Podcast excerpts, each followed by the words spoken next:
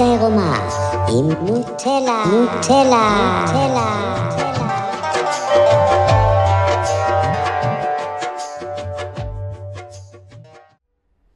בא לי היום לדבר על אשמה, כי אני מתמודדת עם המון אשמה בחיים האישיים, כרגע בימים אלו, על משהו שעשיתי ואני קצת מתחרטת אולי, שלא פעלתי אה, בצורה נכונה, שלא הייתי מספיק מכילה, שלא הייתי מספיק אוהבת באיזשהו רגע מאוד קריטי בחיים.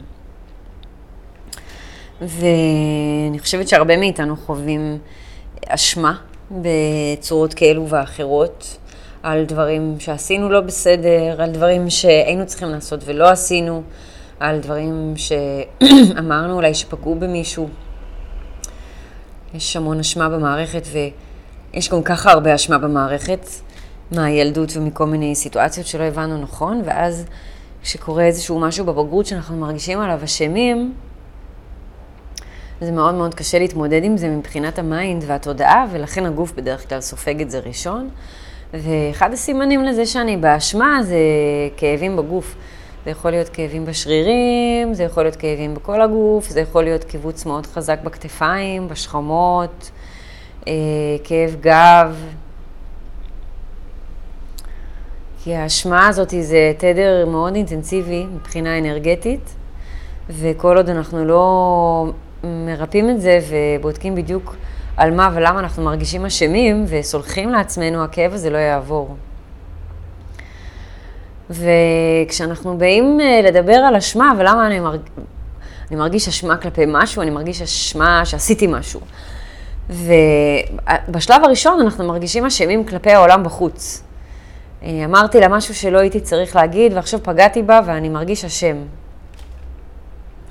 עשיתי משהו אה, שיש לזה השפעה על מישהו בחוץ, וזה אשמתי, ואני מרגיש חרא, ואני אשם.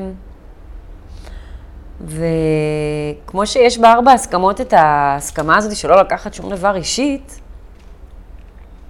אז זה לא רק אה, לא לקחת דברים שאנשים אחרים אומרים לי ברמה האישית, זה גם לא לקחת את הדברים שאני עושה לאנשים אחרים ברמה האישית, בגלל שחשוב מאוד להבין שכמו שאני מייצר את המציאות שלי בכל רגע ורגע ומושך אליי כל מיני אנשים לפי הכאבים שלי והאנרגיה שלי והמחשבות שלי, גם אותו הבן אדם שמשכתי לחיים שלי עשה את אותו דבר בדיוק. ולכן, זאת אומרת, גם הוא, יש לו כאבים ותת מודע, וגם הוא משך אותי אליו, ואת הפגיעה הזאתי באותה מידה שאני משכתי אותו אליי. ולכן אני אף פעם לא באמת יכול להיות אשם על משהו שקרה למישהו אחר. כי גם הוא הביא את זה על עצמו. אני כן יכול לשים לב שאני כנראה מרגיש אשם כי בגדתי בעצמי, לא הקשבתי לעצמי. עשיתי משהו למרות שידעתי והרגשתי מבפנים שלא כדאי לי לעשות. אמרתי משהו למרות שהרגשתי מבפנים שלא כדאי לי להגיד.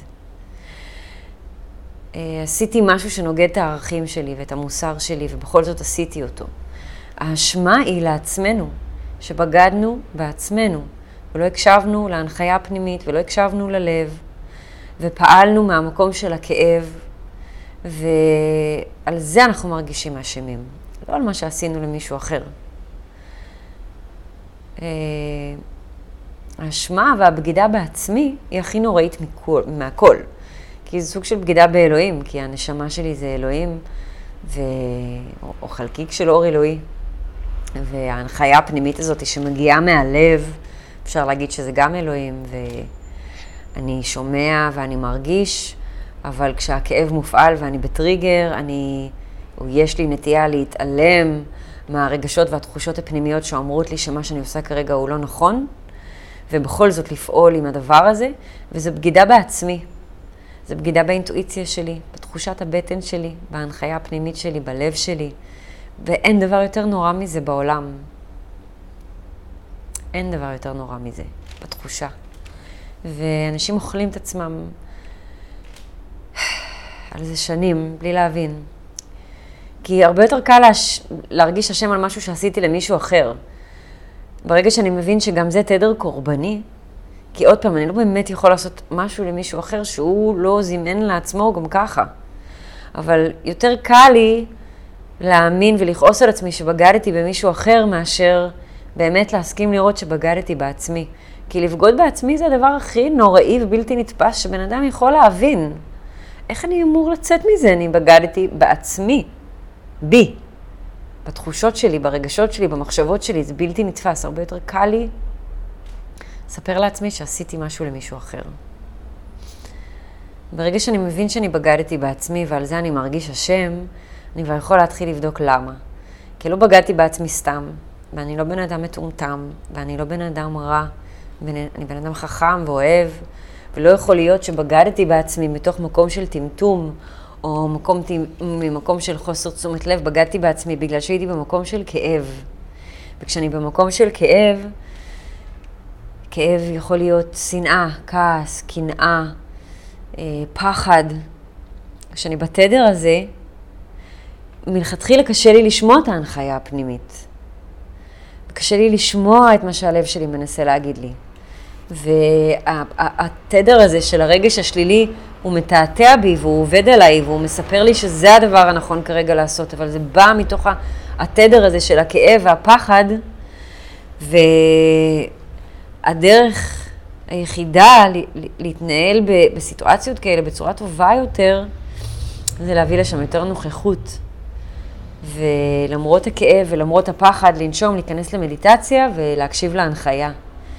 ואני רוצה להגיד לכם שבתור בן אדם שמתרגל חמש שנים לפחות מדיטציה כל יום, סופר נוכחת בחיים שלי וסופר מקשיבה להנחיה הפנימית וללב שלי, גם אני בסיטואציה האחרונה שהייתה לי, שצף לי ים של פחד וכאב וקנאה, לא הצלחתי לעצור, לנשום, להיכנס למדיטציה ולהקשיב להנחיה פנימית. לא הצלחתי ונתתי לתחושות השליליות האלה להשתלט עליי ולנהל אותי ולהוביל אותי לפעולות בעולם שאחר כך התחרטתי עליהן. ובגדתי בעצמי בבגידה הכי נוראית שאני יכולה לתאר, ואני בוכה על זה כבר ימים. לא כי אני מרגישה שמה שעשיתי משהו למישהו אחר, אלא כי לא הקשבתי לעצמי, ולא הייתי נאמנה להנחיה שלי, ולא הייתי נאמנה לאינטואיציה שלי. כי הם כן הופיעו בתוך רגעי הפחד האלה, הם כן היו שם. פשוט הפחד השתלט עליי, והכאב השתלט עליי, ולא הצלחתי לשמוע אותם או להקשיב להם, לא הסכמתי להיכנס למדיטציה, ופעלתי ממקום של פחד וכאב. ואני מתנצלת בפני עצמי שלא הקשבתי להנחיה. אני מאוד מפחדת שלעולם אני לא אצליח לסלוח לעצמי, בגלל שכשהדברים האלה קורים יש לזה מחיר מאוד מאוד כבד.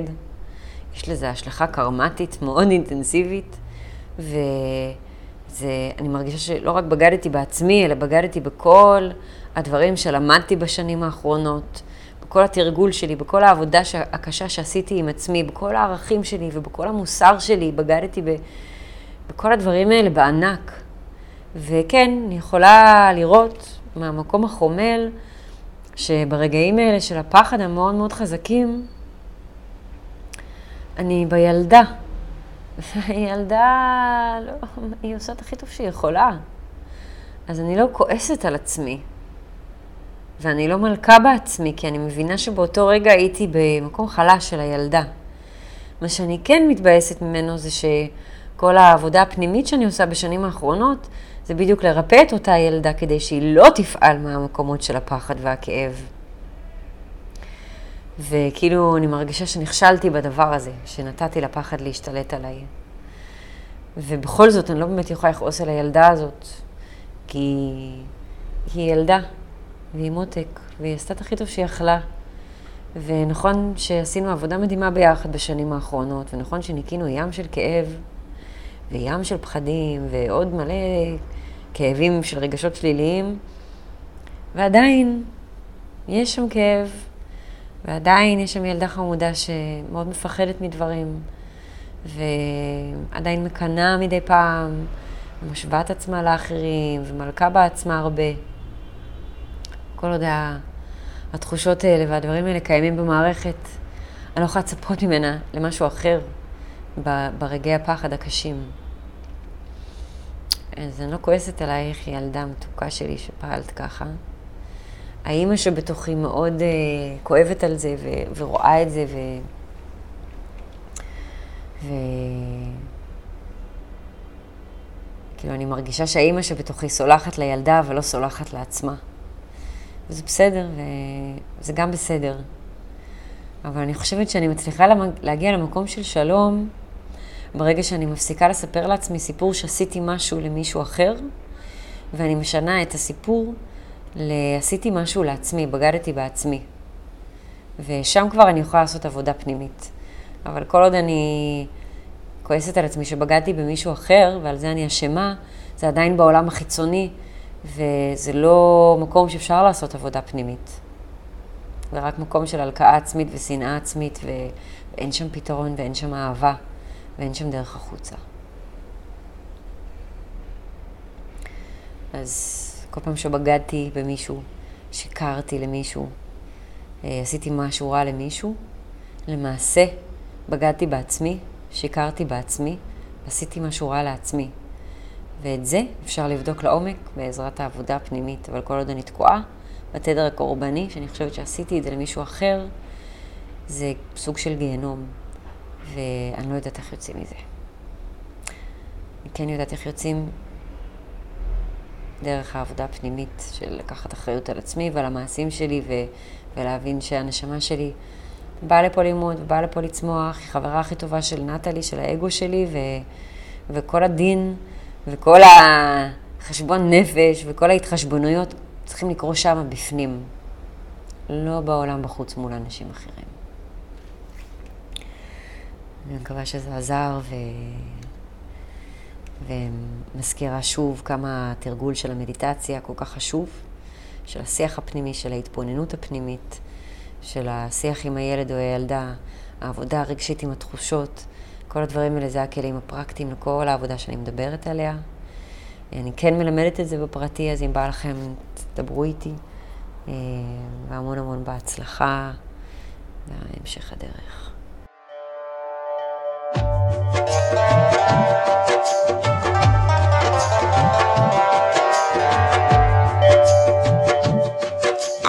העירומה עם נוטלה, נוטלה, נוטלה.